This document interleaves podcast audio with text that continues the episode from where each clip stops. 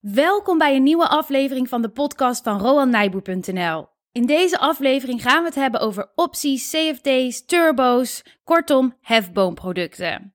Wij vinden ze zelf nogal risicovol. En daar gaan we het ook over hebben. Maar we kunnen ons ook voorstellen dat sommige van jullie toch echt wel nieuwsgierig zijn naar deze producten. En daarom hebben we een gast uitgenodigd die er ervaring mee heeft en ons alles erover gaat vertellen.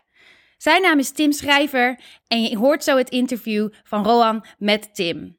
Maar voordat we gaan beginnen wil ik eerst nog wijzen op de masterclass, de online masterclass van zaterdag 6 maart. Daarin gaat Roan in één dag je leren waar je op wilt letten als je zelf aandelen gaat selecteren. We hebben een hele gave early bird korting van 25% korting en die loopt tot 15 februari. Dus als je erbij wil zijn, laat dan de korting niet lopen en pak je kans. Daarna kan je natuurlijk ook gewoon je ticket nog kopen, maar ik zou de korting niet laten lopen. Wil je de masterclass bijwonen? Ga dan naar roannijboer.nl slash masterclass en koop je ticket. Dan gaan we nu naar het interview met Tim Schrijver.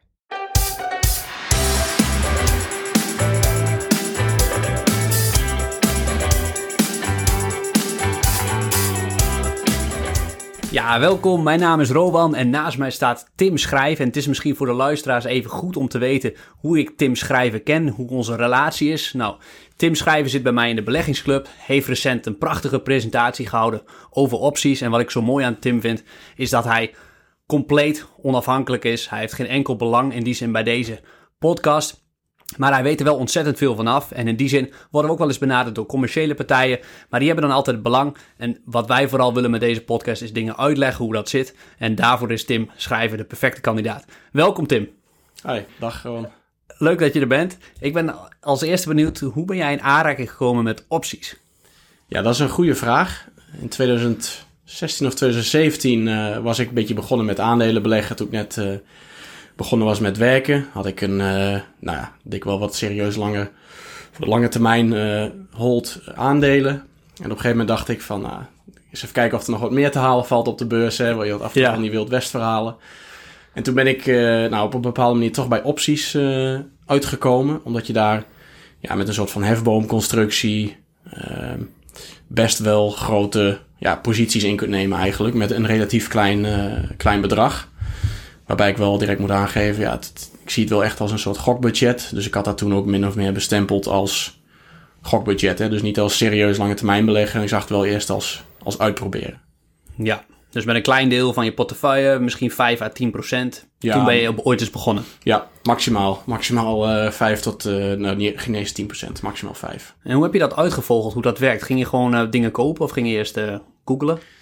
Nou, ik kwam via het, uh, de website IEX. Dan heb je het aandeel, maar je hebt ook gewoon een tabblad opties. Dus ik ben eerst daar eens gewoon gaan kijken. Dus ik ben gewoon uit eigen, uh, nou, met eigen soort van doorklikken daar terechtgekomen. En dan, nou ja, dan zie je een paar, dan zie je datum staan, dan zie je uitoefenprijzen staan. En denk je, ja, hoe werkt dit eigenlijk? En nou, die opties hebben ook hun eigen koers.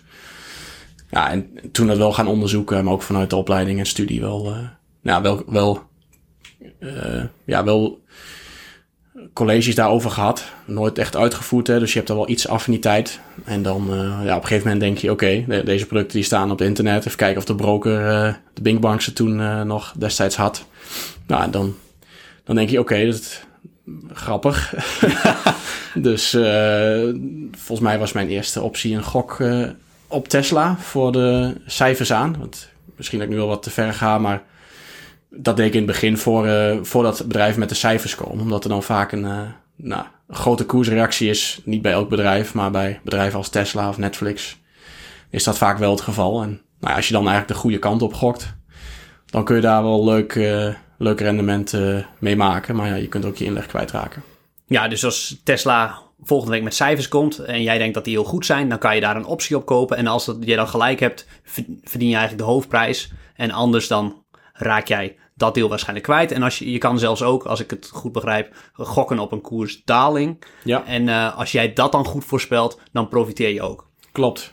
Oké. Okay. Klopt. En, ja. en, en, dat, dat is dan het systeem. Maar voordat we daarin duiken, moeten we misschien even uitleggen hoe dat precies zit. Wat de verschillende namen zijn. Ik hoor hefbomen voorbij komen, uitoefenprijzen. Ja. Hoe, hoe werkt een optie in de kern en wat, wat is de meest gangbare optie voor particulieren? Misschien kunnen we daar beginnen. Ja, heel goed. Um, Een optie is eigenlijk niets anders dan wat de naam al aangeeft. Je hebt de optie om iets te doen. Dus in het geval van, uh, ja, je hebt eigenlijk twee soorten opties. De call optie en de put optie. Nou, er zijn twee Engelse termen, maar de, de call optie, dat is eigenlijk vertaald, ja, het komt erop neer dat je een aandeel bij iemand wegcallt. Dus je belt het weg bij iemand. Dat is even de, oh de uitleg daarvan. Maar dat betekent niets anders dan dat jij het recht hebt om een aandeel te kopen, te callen, te kopen, tegen, nou, wat je net al zei, een uitoefenprijs. Daar komen we misschien zo meteen even op van uh, wat zijn dan de elementen waar je nog meer aan hebt. Maar de call optie is dus het recht om een aandeel te kopen tegen een vooraf vastgestelde prijs. En een put optie, dat heeft, geeft jou het recht om een aandeel te verkopen tegen een vooraf vastgestelde prijs. En dat, is, dat kun je min of meer zien als een, eh, een verzekering. Dus uh, misschien ga ik dan al wat, al wat snel. Uh, maar dat zijn eigenlijk de twee, nou, de twee soorten opties die er zijn. Ja, en uh, de meest gangbare waar particulieren misschien beginnen is de call optie. Klopt dat? Ja, uh, afhankelijk van wat je natuurlijk wil. Als je wil gokken op een koersdaling, dan koop je, zou je een put optie moeten kopen. Want dan verzeker je jezelf eigenlijk tegen een daling. Maar als je de aandelen niet hebt, ja, dan is hetzelfde als dat je een huis verzekert waar je niet eigenaar van het huis bent. En als dat huis dan in de brand vliegt, ja. dan krijg je een uitkering. Zo moet je het. Eigenlijk is het gewoon een verzekering inderdaad. Maar ja, ik weet niet of er een voorkeur is voor een call of een put. Oké, oké, maar een put optie, als ik het even zo uh, plat sla. Als, jij, als, als ik gewoon een aandelenportefeuille heb, maar ik ben bijvoorbeeld bang voor een grote crisis, dan kan ik put opties kopen. Ja. Dat kan op losse aandelen misschien, dat kan op een index misschien. Dus dat kan je dan heel uh, breed inzetten. En dan kan je daar tegen verzekeren. Want die, wordt, die put opties worden dan geld waard. Terwijl je aandelen minder waard worden. En op die zin ben je dan verzekerd, zeg ik het zo een beetje goed? Ja, ja helemaal correct. Dus dat kan inderdaad op zowel aandelen als op indexen. Dus als je als voorbeeld in februari van 2020 coronavirus al zag aankomen vanuit China en je kocht dan een put-optie, een verzekering op uh, nou, een aandeel wat je dan hebt, of op de AX of op de, de S&P 500, dan was je in die zin tegen een bepaalde premie, je betaalt natuurlijk wel wat voor die verzekering, was je verzekerd tegen de koersdalingen nou ja, in de periode dat je die put hebt. Hè, dus die, uh, ik zal zo uitleggen hoe dan een put uh, beweegt, maar de put wordt meer waard naarmate je aandelen of de index dalen, zeg maar. Dat is dan hoe de optie, hoe de optie werkt. Hè? Want nou, misschien al even een heel kort voorbeeld, maar als je ja, aan AX 600 hebt en je hebt, je hebt bijvoorbeeld de index van de AX 600. Uh, je, nou ja, je vertrouwt het niet helemaal met, met uh, een evenementopkomst. Dan kun je zeggen van oké, okay, ik wil mezelf verzekeren. Dan, dan schaf je een put optie aan AX met een uitoefenprijs van bijvoorbeeld 550. Nou, dat betaal je dan 5 dollar premie voor. Ik noem even een willekeurig getal. Dan, uh, is, is dat een premie hetzelfde als de verzekeringspremie die we betalen? Ja, ja, dan kun je één op één vergelijken met een verzekeringspremie. Okay. En wat er dan gebeurt als dat de AX onder de 550 komt, ja, dan is die premie geld waard. Want dan kun je die put optie eigenlijk nou ja, uitoefenen om jouw AX-aandelen nog tegen de 550 te verkopen. Dus als de AX dan op 300 staat, ja, dan ben je natuurlijk spekkoper, want dan is die optie uh, flink meer waard uh, geworden. Andersom natuurlijk ook, als de AX gewoon zijwaarts gaat, dan loopt zo'n optie waardeloos af en ben je in die zin je inleg kwijt. Oké, dus als die optie op een gegeven moment afloopt en de AX staat boven de 550, dan ben je in die zin je inleg in die optie kwijt. Ja, ja. Oké. Ja, moet je een beetje misschien net zo vergelijken als met een autoverzekering. Je betaalt elke maand eigenlijk een premie. En als er in die maand niks gebeurt, dan ben je die premie ook uh, kwijt. Maar heb je toevallig een keer een ongeluk, nou dan ben je op dat moment verzekerd en krijg je weer de, nou ja, de dagwaarde van je auto terug. Daar, moet, daar kun je het eh, voor, voor de beeldvorming misschien het beste mee vergelijken. Want een verzekeringspremie, ja, die betaal je elke maand. Maar elke maand in principe een verlies van 100%. Ja. Totdat er wat gebeurt. Ja, ja. En ik weet niet of het mijn opa was, maar iemand zei ooit tegen mij: je moet je, moet je alleen verzekeren tegen risico's die je niet zelf kan dragen. Hoe, hoe zie jij zoiets? Ja, dat is denk ik wel een, uh, een leuke gedachte. Dus wat ik al aangaf in het begin, ik zie die opties ja, min of meer als wel een instrument. Het kan wel een instrument zijn, maar het is niet iets om structureel je rendement te verbeteren. Misschien wel bij het schrijven van opties, maar dat is wel weer een heel vak apart, zeg maar. Er zijn de risico's ook veel, uh, kunnen veel hoger zijn. volgens mij, ja, kijk, je, koopt inderdaad de verzekering. Maar als je echt, echt een lange termijn belegger bent, dan ga je zelf ook niet verzekeren voor een, een halvering. Want dan ga je gokken op de timing. En ja, zoals we volgens mij ook allemaal wel weten, echt het, het timen van zo'n crash is vrijwel onmogelijk. Dus continu roepen mensen dat we natuurlijk op een top zitten. Dus als je elke maand put-opties koopt, dan betaal je elke maand premie. Dan raak je elke maand op die zin je inleg kwijt. En nou, dat is natuurlijk wel weer slecht voor je rendement. Ja. Als jij een echte long, lange termijn belegger bent en je zit breed gespreid, ja, dan zie ik daar vanzelf de meerwaarde niet van in om met put-opties te werken. Ja, tenzij je kunt voorspellen dat er inderdaad een evenement of een daling komt. Maar goed, dat, ja. Ja, dus met, met een put-optie kan je jezelf verzekeren, maar op de lange neemt kosten met zich mee, die uiteraard je rendement verlagen. Ja, Ehm nou hebben we het over een, een groot evenement op de AX als geheel. Maar je kan wel bijvoorbeeld als je denkt, ja, dit aandeel is zwaar overgewaardeerd. Ik ga, ik ga short op Tesla. ja. Is, is, is dan in die zin een, een put-optie hetzelfde als wat die hedge funds deden bij GameStop? Is dat ook short gaan, alleen dan technisch misschien wat anders? Ja, ja bij GameStop gebeurde eigenlijk twee. eh, nou, e- eerst inderdaad zaten hedge funds eh, dan short. Dat kan dus zijn dat zij eh put-opties hadden gekocht, maar daar zaten ze short door nou ja, aandelen te lenen en dan die direct te verkopen. En dan hopelijk dat ze die lager terug kunnen kopen. Dus, dus daar is niet zozeer met opties gewerkt. Daar is eigenlijk het, het omgekeerde gebeurd. Dat de hele schare particuliere beleggers die heeft call opties gaan, is, is call opties gaan kopen. En is misschien voor dit voorbeeld ook wel interessant. Eh, eh, GameStop heeft heel lang rond de 10, 5 dollar genoteerd.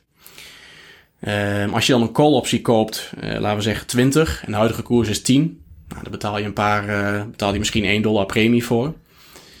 Ehm, maar wat is er dus gebeurd? Het aandeel GameStop is niet eh, naar 20 gegaan, maar is wel tijdelijk volgens mij naar 400, eh 400 dollar gegaan. Ja. Dus dan kun je je winst uitrekenen. Dan is het dat is eigenlijk een, eh, bijna een keer 40 van je, van je koers. En zoals ik misschien zo meteen wel kom met een voorbeeldberekening, eventjes kort uit te leggen hoe dat kan werken, dan, ja, dan kun je daar ja, exponentiële returns mee halen. Maar GameStop is wel een, in die zin een uitzonderlijk voor, voorbeeld, want eh, ja, daar zorgde de call optie kopers ervoor dat hun tegenpartij ook weer de aandelen GameStop moesten kopen. Dus die hebben de koers ja, op die manier ook nog eens omhoog eh, gedrukt. Maar dan ga je al heel ver. Dan, eh, dan kom je al in het feit van ja, wie is je tegenpartij? Ja. Ja, Nou, ik, ik kan me wel voorstellen dat, want we hadden het over poetsopties en ik ben zo heel benieuwd naar je voorbeeld. Ehm, als je dan op 400, als de koers van GameStop op 400 dollar staat, dus dat hoogtepunt, dat heel veel mensen dachten, ja, die, waarde, die waardering, daar klopt niks van. Dat kan nooit altijd goed blijven gaan. Dan had je daar een put-optie kunnen kopen en dat is dus, is dat een manier om als particulier short te gaan? Een Ja. put-optie? ja. Zeker. Dus je had eh, op de top, mits je broker het toestond, eh, Ja. een call of een put-optie kunnen kopen op eh, GameStop. Laten we bijvoorbeeld 400 pakken. Nou ja, omdat het, en dan eh komen we ook meteen bij hoe wordt een optie eigenlijk eh, geprijsd. Hè? Want je betaalt ervoor, het is eigenlijk een verzekeringspremie. Ja. Stel je kon hem op 400 eh, kopen, eh betaalde je misschien 50 eh, dollar premie. Best veel, omdat GameStop heel erg bewegelijk is. En nou ja, de volatiliteit, hè, dus de bewegelijkheid van een aandeel, bepaalt mede de, ja, de prijs van de optie. Als je in dit voorbeeld van GameStop eh 50 dollar premie hebt betaald voor de uitoefenprijs van 400, Ja. eh, de koers is ondertussen nu gezakt naar volgens mij 50 dollar.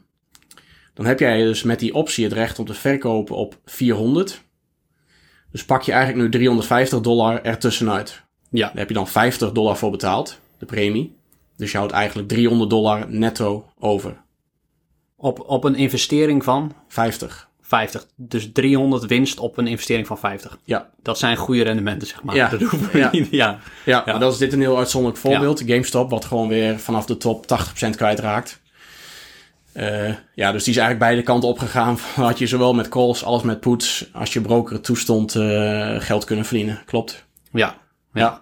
En die brokers leggen dat dus ook een beetje aan banden, omdat het in ieder geval zo lastig is om die opties misschien ook te prijzen. Of, eh, of werkt dat niet zo? Ja, dat is wel een redelijk complex eh, model. Dat heet het Black and Scholes model. Dat is, eigenlijk- ja, misschien die term moet je maar snel weer vergeten. Maar ik vond het voorbeeld van de auto wel mooi om dat uit te leggen. Ja, Ehm, eigenlijk zijn er drie, vier belangrijke pijlers daarvan. Eh, dat is natuurlijk de prijs van nou ja, het onderliggende aandeel of optie, of, eh, of index bedoel ik, sorry.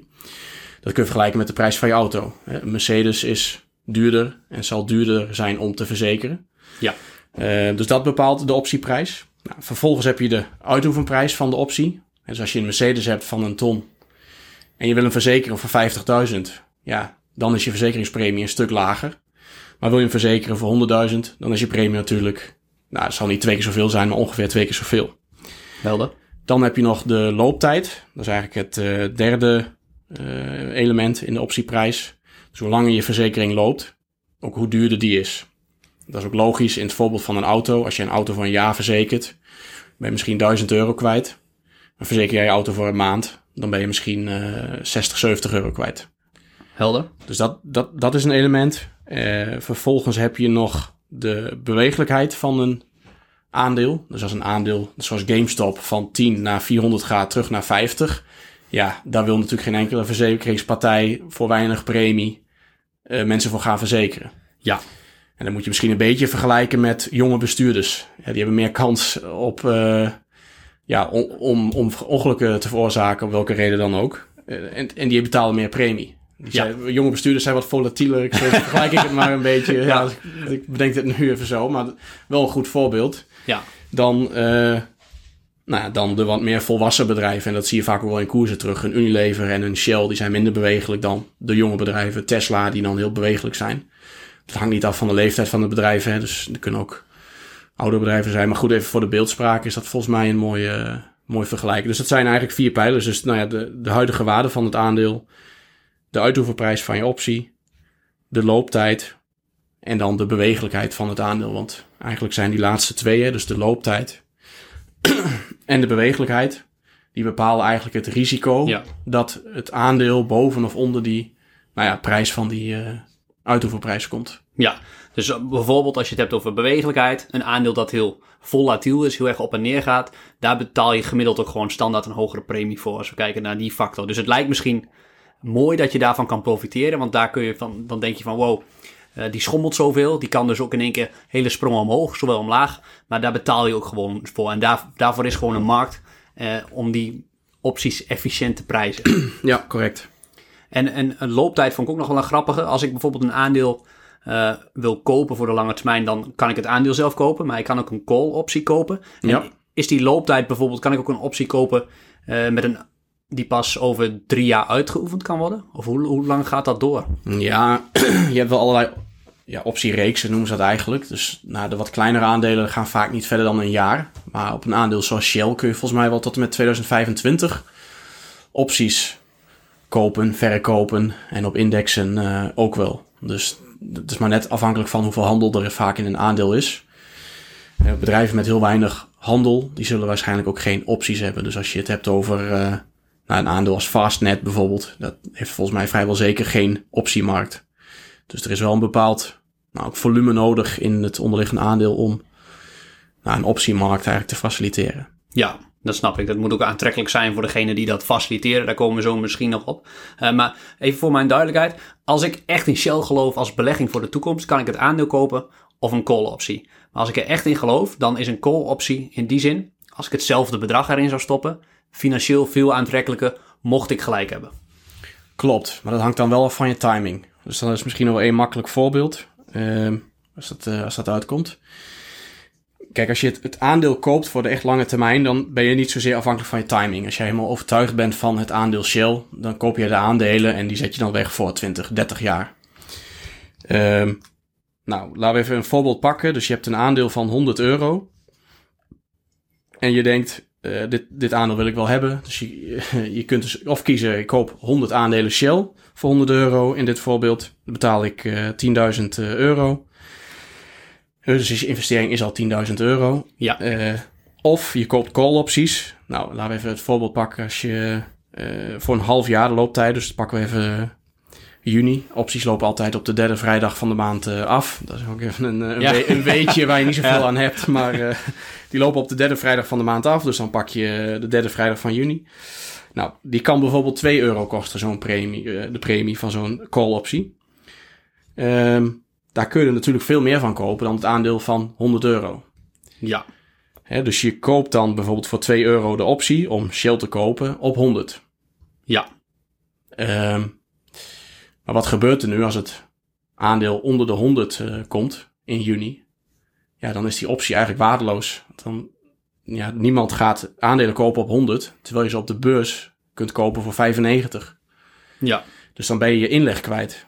En dat is iets wat je met aandelen, ja, faillissementen dagen later niet zo snel zult. Uh, ja, je, je, kunt altijd geld of inleg kwijtraken, hè, maar bij opties is het eindmoment van de optie, de looptijd, ook definitief het moment dat de optie ja, geld waard, waard is of nul.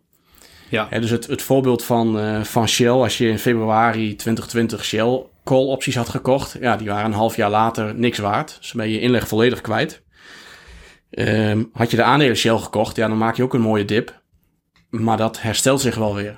Of, nou ja, de verwachting is uh, dat dat zich wel weer herstelt. maar ben je op zijn minst niet de inleg kwijt. Ja. Dus het lijkt heel mooi.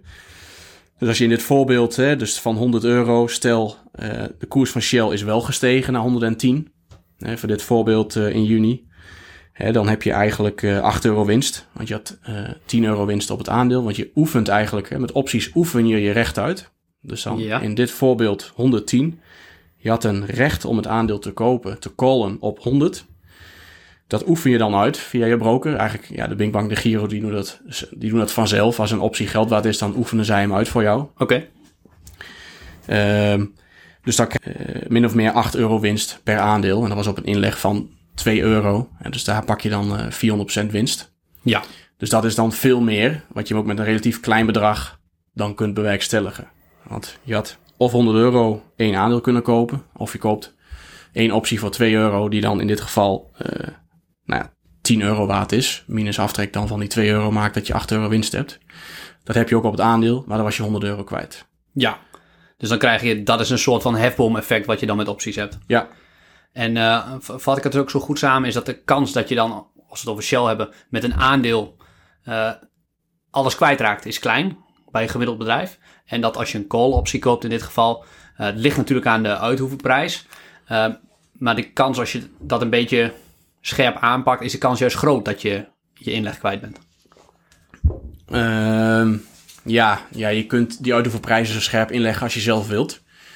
Dus in dit voorbeeld, als de koers 100 euro is en je wilt een uithoevenprijs 100, ja, dan betaal je meer premie dan wanneer je de uithoevenprijs van 110 pakt. En dat, is, dat zijn eigenlijk twee termen die misschien nog wel even belangrijk zijn om te noemen. Dat is dan in the money. Dat zijn opties die eigenlijk al geld waard zijn. Dus dan staat een aandeel boven de uithoevenprijs. Dus als Ja. je een aandeel uh, 120 noteert en je hebt het recht om te kopen op 100, ja, dan is je aandeel in the money, zeggen ze dan. Ja, Die opties zijn natuurlijk veel duurder, want daar zit al waarde in, in de optie eigenlijk. Uh,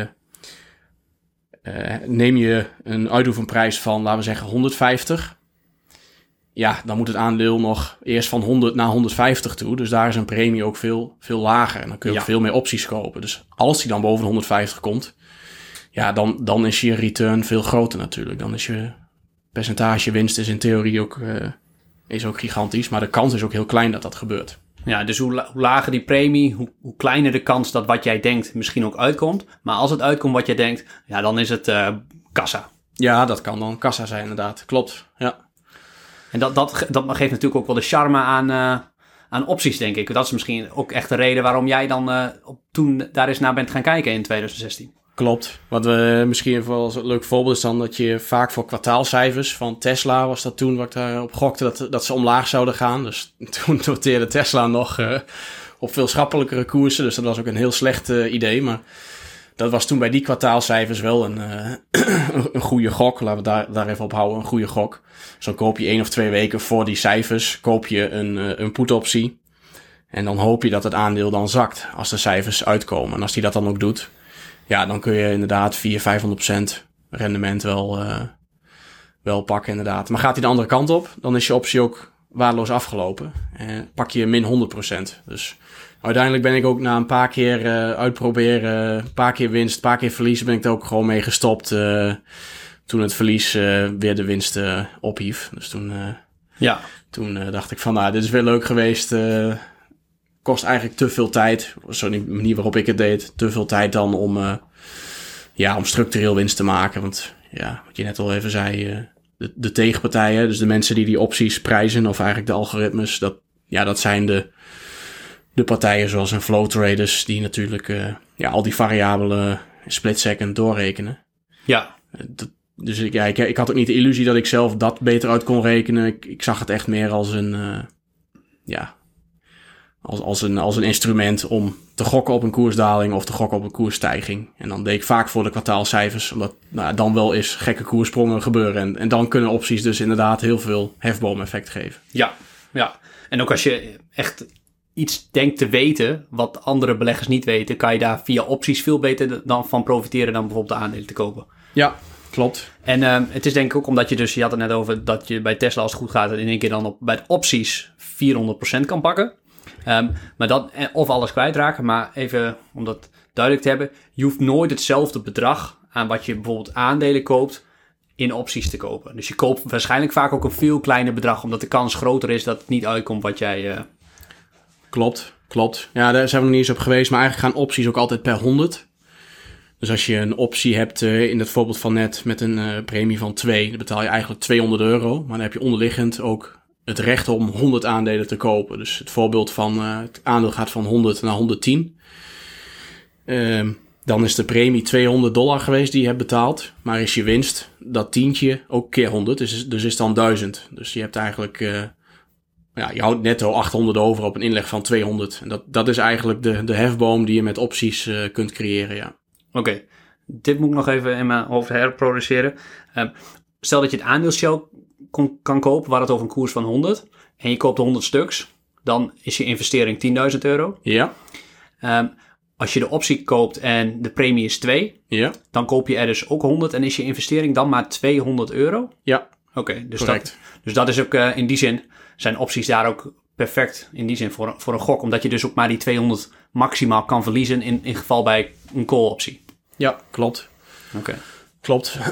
Waarbij je dan eigenlijk, uh, nou dit is dan een, een hypothetisch voorbeeld, hè. Dus uh, mensen kunnen zelf de, de optieprijzen ook wel gewoon opzoeken van een aandeel Shell. Nou, daar kun je dan op de website gewoon, dan ga je naar bijvoorbeeld januari 2022. Ik weet even niet wat Shell noteert, maar dat zal 16 euro zijn.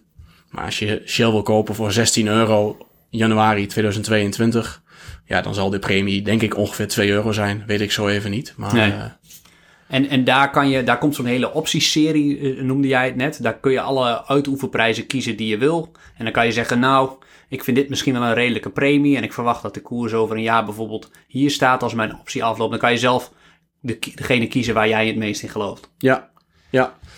Dus en, als je ze inderdaad hoger wegzet, hè, dus Shell staat nu 16, maar je denkt, nou ja, hij gaat wel naar 25 toe. Nou, dan, dan kun je opties kopen van 20, maar ook opties van 21 of 22. Dan wordt steeds je premie iets lager. Dus als die dan naar 25 toe gaat, dan zal in theorie ook je, nou, je rendement hoger kunnen zijn. Omdat je met minder inleg dus ook meer opties kunt kopen. Dus ook nou, eigenlijk via het hefboom-effect van dan 100 stuks steeds meer blootstelling hebt aan, uh, aan de aandelen op die manier. Ja, helder. En wat typ je dan in bij je broker? Typ je Shell in als aandeel om dat te vinden, die serie? Of hoe, hoe gaat dat? Ja, ja, bij de Gio hebben ze ook een, uh, een optie tabblad. Maar volgens mij moet je eerst een, uh, een kennistoets doen voordat je überhaupt die producten mag kopen. Ja, ja, dat moet, dat moet laatst dus voor, uh, als je ja. iets exotisch wil, dan doe dat. Is dat een goede zaak? Dat lijkt mij wel. Want je kunt, wat ik al zei, je kunt heel makkelijk je inleg daarop kwijtraken. Dus je moet wel echt weten wat je, wat je doet en wat je op het spel zet. Hè, dus ik weet niet, volgens mij in het jaar 1998 tot 2000 waren ze ook onder Nederlandse beleggers heel populair. Maar ik merk zelf dat ze niet heel erg populair zijn. Misschien ook wel omdat ze relatief complex, complex zijn. Maar goed, ik vind het zelf wel een interessant ja, instrument. Uh, ik weet niet of we daar nu op in moeten gaan, maar je kunt ook opties schrijven. Hè? Dus je kunt ook aan de andere kant gaan zitten. Dan moet je het eigenlijk zo zien dat jij de verzekeringspremie kunt schrijven. Ja, ja. Maar goed, misschien dat dat voor een volgende keer is of voor... Uh, nou, ik ben wel even benieuwd, nu. want wat, wat wij nu hebben besproken, zowel call als put, dan koop je een optie. Zeg ik dan goed? Ja, dan koop je een optie inderdaad. Dus dan... Uh, ja, dan, dan is in dat opzicht de inleg die je doet, de premie. Dus je koopt een recht. Wat je dus niet per se hoeft uit te oefenen. Dat oefen je alleen uit als die optie op dat moment geld waard is. Dus als in het geval van een call het aandeel staat 10 dollar hoger dan de, de uitoefenprijs, dan oefen je dat recht uit. En bij een put, stel het aandeel staat op uh, 90 en je mag verkopen op 100, ja, dan oefen je dat recht oefen je ook uit. Maar het moet niet. Dus je, ja, je, je downside is in dat opzicht beperkt tot de premie die je inlegt. Ja, en dat heb, daar heb je dus controle over. En in die zin is dat ook een soort van veilige variant, want je verliezen zijn in die zin gemaximaliseerd tot je inleg die mogelijk heel beperkt is, zoals 200 euro wat we bij dat Shell voorbeeld uh, gaven. Ja. Oké, dat is de koopkant. En bij de call-opties hoop je dus op een stijging van het onderliggende aandeel of de index. En bij een put-optie ga je als het ware short en hoop je op een daling. Ja. En is dus echt die verzekering uh, tegen een, grote zwarte zwaan-event of, of, wat dan ook, wat je, wat je voor een speciaal inzicht denkt te hebben. Dat is de koopkant. Jij noemde net al even de schrijfkant.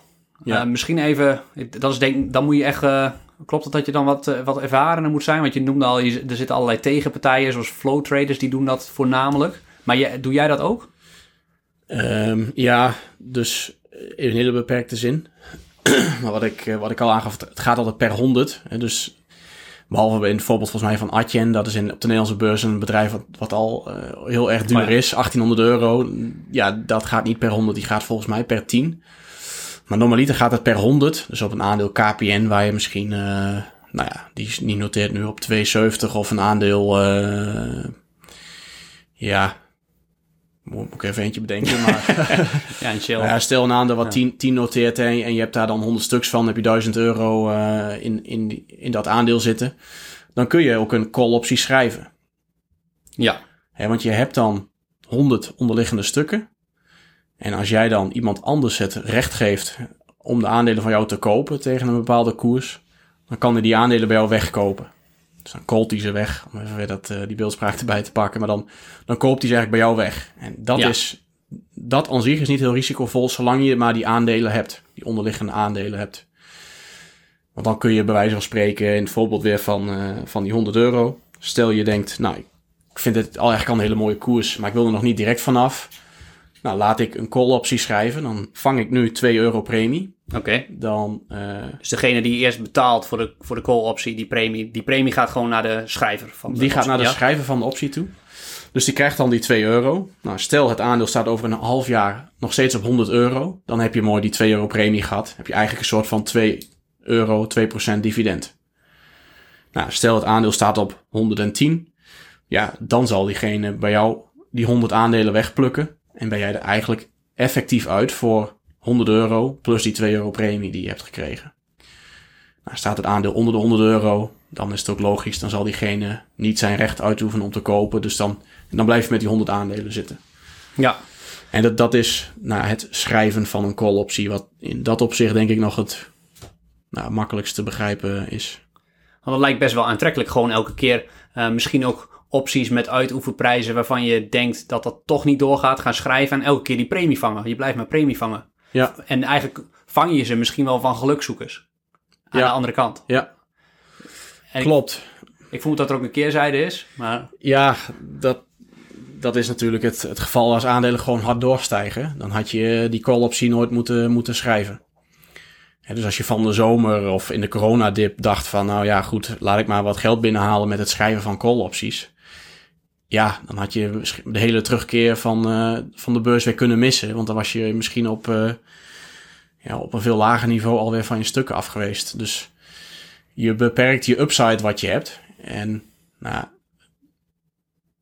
dat is niet de, de reden vaak dat je aandelen koopt. Je koopt aandelen wellicht eh, voor, voor 20 jaar lang. Dus als je dan een, een call optie schrijft en een aandeel heeft in één keer goede cijfers, wat je dan eigenlijk al had verwacht, ja, dan, dan kan het zo zijn dat je eigenlijk maar voor een beperkte premie van je, van je aandelen af bent. ja, ja, ja. En dus je, je upside als je schrijft is dat je die premie ontvangt. Dat is het meeste in die zin wat je, wat je als, als rendement kan hebben. Ja. Het kan heel aantrekkelijk zijn, want vaak zal het misschien goed gaan. Je zal vaak die premie vangen. Wat- Wat is, het, wat is het grootste risico? Bij het schrijven van de call optie ja, is eigenlijk gewoon ook het, het onderliggende aandeel wat je hebt. Dus in het voorbeeld van Shell kun je misschien wel de, de optie eh, schrijven. Maar als die een boorplatform hebben wat eh, in de brand vliegt, dan zal het aandeel Shell ook nagenoeg naar eh, nou, misschien min 80% gaan. Dus een call optie heft jou niet op van verliezen die je kunt, natuurlijk kunt leiden op het aandeel. Ja. ja, en als we dat even in een extreem scenario zoals bij GameStop doortrekken. Als je daar een call had geschreven, terwijl de koers 10 dollar was, Ja. en je schrijft een call die uitgeoefend kon worden op 20, Wat misschien, heel, wat misschien Wat- op dat moment heel Ja. veilig lijkt. Ja, dan denk je, oh mooi, dan kan de koers nog stijgen naar 20. Hè, dat Ja. is 100% omhoog. Ja, ja. En ik krijg nu een dollar premie. Denk je, nou dat is prima, dan ga ik eruit voor 21 eh, dollar. Heb ik meer dan 100% winst als de koers nu 10 is. Maar in het extreme voorbeeld van GameStop is het aandeel niet keer 2 gegaan, maar is het aandeel bijna keer 40 gegaan. Dus je mist dan de volledige upside naar die 400 toe.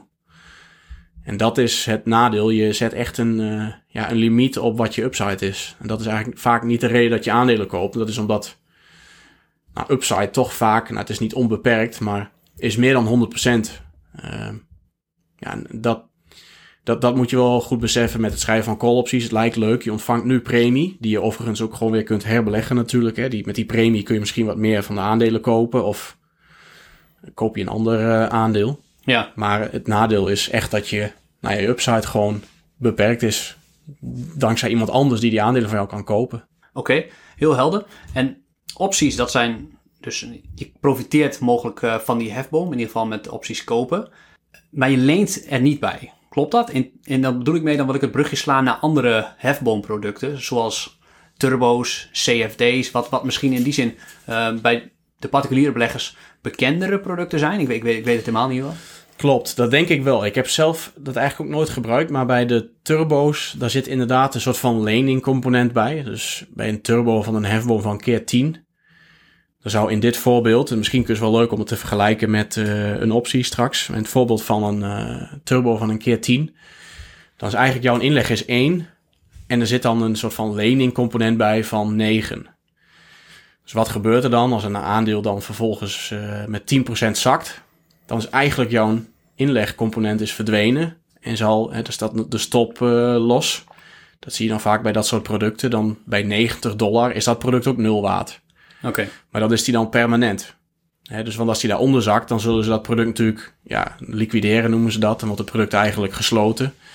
En ben je permanent van die inleg af. Omdat als het aandeel nog verder zakt, ja, dan gaat hun inleg, het geleende deel geld, gaat dan ook, loopt ook risico. ja. Dat is wel anders bij opties.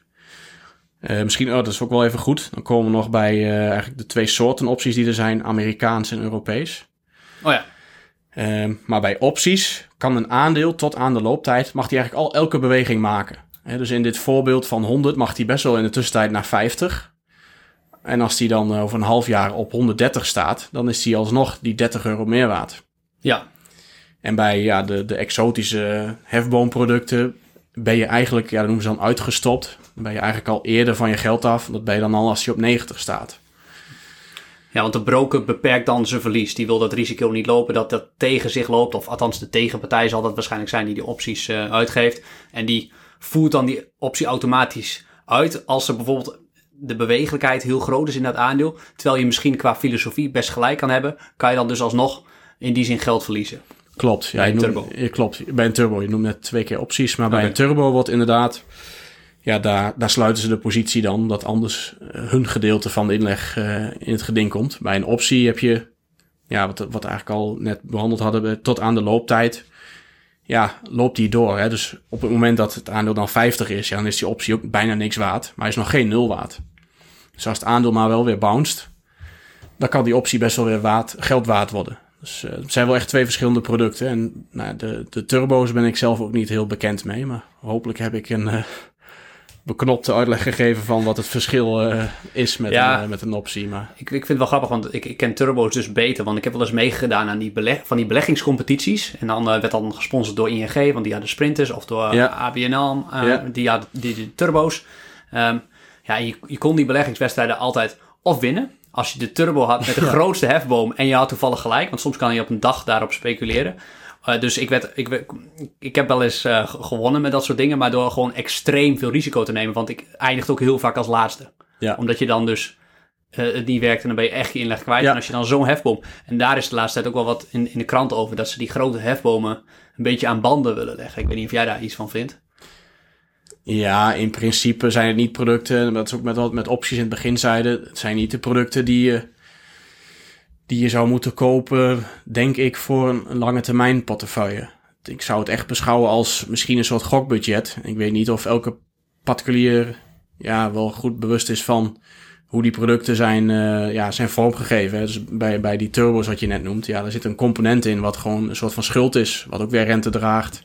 Het zijn best wel complexe producten om ze helemaal te begrijpen. En ja, ik zou ook niet aanraden om daar meteen 10% van je geld in te stoppen. Dus echt maximaal uh, 5% of, of minder, even naar gelang. Uh, dus probeer dat echt eerst uit met een heel klein bedrag als je het uit wilt proberen. Ja, ja. En dan kan het eigenlijk heel mooi speelgoed zijn, want het geeft misschien wel Um, als je dat kunt, goed die splitsing aan kunt brengen, dus 95% misschien aandelen, of wat dan ook waar je goed bij voelt, wat, wat in die zin veiliger is, en dan 5% wat meer een uh, speelbudget, of ik weet niet hoe jij dat zou, zou omschrijven. En dat je daardoor, ja, dat aandelen misschien wel saai zijn voor heel veel mensen. Ja, ja, maar ja, dat heb ik volgens mij jou ook wel eens horen zeggen. Beleggen hoort ook saai te zijn. ja. ja, dat, ja ik, ik vind dat wel, uh, wel moeilijk. In dat opzicht ja, het denk ik uh, niet, niet een, het zijn niet echt producten voor de, nou ja, de belegger die met indexfondsen aan zijn prepensioen werkt. Of zijn gewone pensioen. Uh, het is wel, het is meer voor de belegger die misschien, ja, in, in een bepaald aandeel een paar honderd stuks heeft. En die, die denkt, nou, misschien is het wel leuk om om die te verzekeren met een put-optie. Of misschien uh, denk ik wat meer rendement te kunnen halen door een, een call-optie te schrijven. Je bent natuurlijk, wat we al zeiden, niet direct van je aandelen af. Ja, je, je, kunt daar een beetje mee spelen. Dus ik zie het meer als een toevoeging aan je, nou ja, aan een eventuele portefeuille, dan dat het echt het beleggen vervangt. Of, ja. dus ik zou dat wel echt gescheiden houden, maar misschien wel onderzoeken als instrument wat je kunt gebruiken op, uh, nou, vooral op individuele aandelen.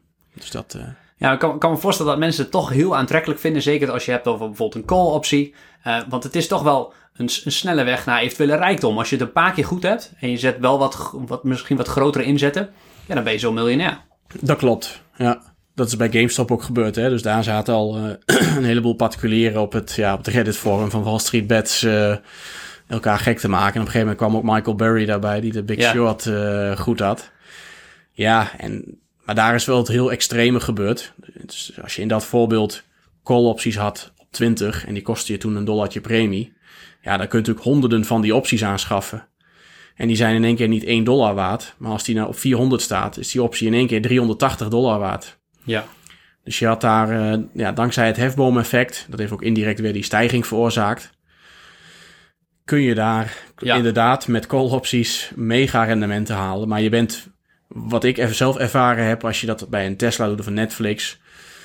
De tegenpartij weet ook dat dat soort bedrijven met bijvoorbeeld gekke cijfers of gekke uitslagen kunnen komen. Dus die zullen ook, die houden rekening met die verwachte volatiliteit in hun optieprijzen. Dus ja, ja denk nou niet dat, dat, omdat je weet dat Tesla met gekke cijfers komt of kan komen, dat, dat het meteen loont om call opties te kopen. Dat wordt wel degelijk uh, in, de, nou, in, de, in de koers, in de prijs van die optie verwerkt. Ja.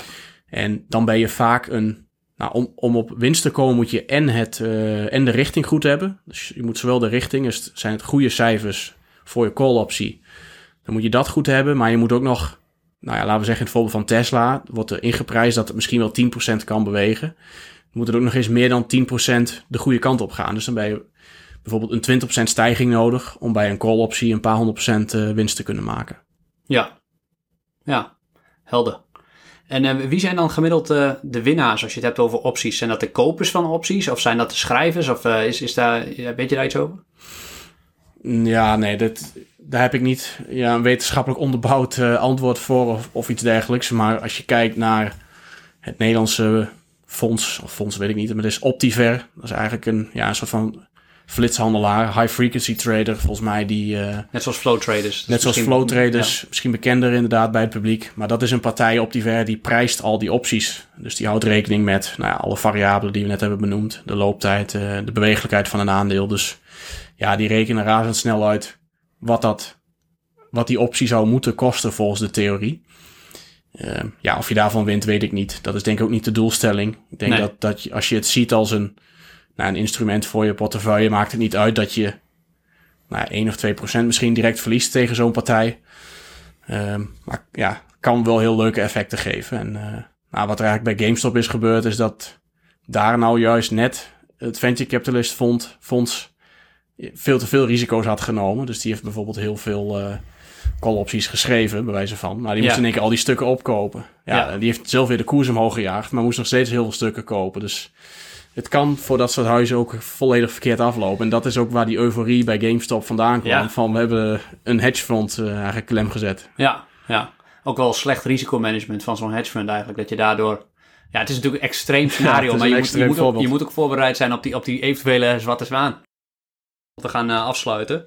Ehm, wat zou je dan de beginnende belegger aanraden die wel eens wil gaan experimenteren met opties? Waar, waar begin je dan? En je noemde net al bijvoorbeeld met een heel klein deel van je portefeuille. Zijn er nog van die andere dingen die je, die je mee wil geven? Nou, ten eerste doe het echt met geld wat je alleen kunt missen. Dus zie het niet als eh, een toevoeging aan je, nou ja, aan je vermogensopbouw voor eh, een pensioen. Om het dan leuk te maken, wil je de hoge percentages scoren, dan zou ik wel echt aandelen uitkiezen die nou, heel bewegelijk zijn. Eh, en die wel echt eens willen verrassen met de cijfers. Maar ja, je bent wel de wat grote bedrijven nodig. Niet elk bedrijf heeft, eh, heeft een, optie, eh, een optienotering. Ehm, ja, maar goed, daar is ook tegelijkertijd weer de kans dat je inleg kwijtraakt naar nul ook heel groot. Dus wees daar dan wel van bewust dat als je bijvoorbeeld op een Tesla of op een nou, Netflix, een GameStop bij de volgende cijfers, als je daar dan een call optie of een put optie koopt en je gokt op een richting van de cijfers, Ja, ja, dat je heel- de kans eigenlijk 50-50 is dat je inleg kwijtraakt. Maar ten tweede dat als het de goede kant op gaat, eh, dat het ook nog niet eens wil zeggen dat je heel veel winst maakt. Want nou, een, een deel is al wel ingeprijsd echt in die, in die opties zelf. Dus ja, ik vind dat lastig gewoon. Eh, snap ik. de kans is gewoon ook heel aanzienlijk dat je je inleg kwijtraakt. En dan is het natuurlijk na één keer is niet leuk meer. Dat is hetzelfde als dat je in het casino naar binnen gaat en je hebt maar 50 euro. Ja, Zet je in op rood en hij valt op zwart, ja, dan ben je uitgespeeld. ja. Eh, dat kan met opties ook. Ja, dat is eigenlijk eh, praktisch hetzelfde. Dus als je 500 euro budget hebt, nou, dan kun je misschien twee keer eh, met een call of een put iets doen. Da- daar zijn we nog niet op toegekomen. Je, je kunt ook combinaties van opties doen. Hè? Dus als je zowel een call als een put koopt. Dus misschien als je bij Tesla een min 30% of een plus 30% verwacht, dat je zowel de call als de put koopt. Dat soort dingen kan ook. Ah, Hè, maar dan moet, je call, ja, dan moet je call meer waard worden dan 100% stijging om het verlies van die put op te vangen. ja, ja. Eh, maar dus heb je heel veel exotische combinaties nog wel. En want even in dit voorbeeld te blijven. als het aandeel zijwaarts gaat, ben je van twee opties je geld kwijt. Ja, ja. Dus er bestaat niet zoiets als een soort van gouden ei. Dat is allemaal wel weg, eh, weggefilterd door de marktpartijen. Ja, ja. Nou, dat is waarschijnlijk ook zo op de aandelenmarkt. De aandelenmarkt is in die zin ook vrijwel altijd voor het merendeel efficiënt geprijsd. En zo zal dat bij de optiemarkt ook zijn. Ja, ja omdat daar is net zoals op de aandelenmarkt ook een, ja, een koers. Iedereen kan een optiekoers afgeven. Dus als partijen denken dat ze dat slimmer kunnen doen dan de huidige koersen, dan zullen ze dat ook. Ja, dan zul je dat ook doen. Ja. En Net net als... als eh, ja, dat is de theorie van effi- de, de efficiënte markttheorie, inderdaad. Die is, Ja. die is, voor zover ik weet, ook van toepassing op optie, eh, optieprijzen. Ja, Ja, terwijl partijen als een Optiver en Flow Traders daar toch heel veel geld verdienen. dat klopt. Maar, dat, eh, maar dit is waarschijnlijk omdat ze een bepaald informatievoordeel hebben, waardoor die efficiënte markttheorie Ja, dan net dat buiten kan sluiten en de markt alsnog, in ieder geval voor particuliere beleggers, vrij efficiënt is. klopt. Ja. En eh, bij aandelen ga je ongetwijfeld leergeld betalen. Is, dat is uiteraard ook bij opties zo. Ik kan me voorstellen, je noemt dat voorbeeld met 500 euro. Dan kun je twee eh call opties verkopen bij wijze van. Ja, Eh, dat kan twee keer misgaan. Ehm, de- ja, dat, dat kan, daar weet jij niks over natuurlijk. Maar nee. is, is, dan, is, dan de, is dan de les ook gewoon dat je daar kan verwachten dat je ook leergeld gaat betalen en dat het ook prima is in dat opzicht? Ja, daar ga je dan ook zeker leergeld betalen. Het is in die zin met het kopen van opties wel, ja, je ziet het wel echt als casino. Dus je moet niet verwachten inderdaad dat je daar eh, het in één keer beter gaat doen. Ja, je kunt een klapper maken, maar dat, ja, dat kun je in het casino eh, ook inderdaad. Dus ja, als het aandeel Tesla zijwaarts gaat, dan loop je opties waardeloos af. En dan betaal je in die zin je leergeld. Hè? Dus dat, ook al zijn cijfers bijvoorbeeld goed van een Tesla, wil niet zeggen dat de koers ook meteen plus 30% doet. Dus ook al denk je te weten dat Tesla een record aantal auto's heeft, meer dan verwacht, wil niet zeggen dat de beurskoers en dus je optie eh, hetzelfde meebeweegt. Dus dat, dat leergeld ga je hoe dan ook betalen, ja, dat klopt. Ja. Ja. Mooi, Tim. Eh, Ik vind het fantastisch dat je hier was en dat je vooral eh, het toch wel technische verhaal van opties. Want ik kan me voorstellen, ik vond op de universiteit echt, echt best wel heel pittig hoe, hoe dat zit en zo. Uh, wat mij betreft heel goed heb uitgelegd. En uh, ja, ik denk dat jij de eerste bent om te zeggen dat de keuze en om dat te doen aan de, aan de mensen zelf is. Ja. En uh, ja. de grote disclaimer die jij, ja. die jij altijd maakt als je ook bij ons een presentatie doet van... er zijn risico's, doe het voor jezelf en volg zelf uit wat bij je past. En, Klopt. Ja, en begin altijd heel klein.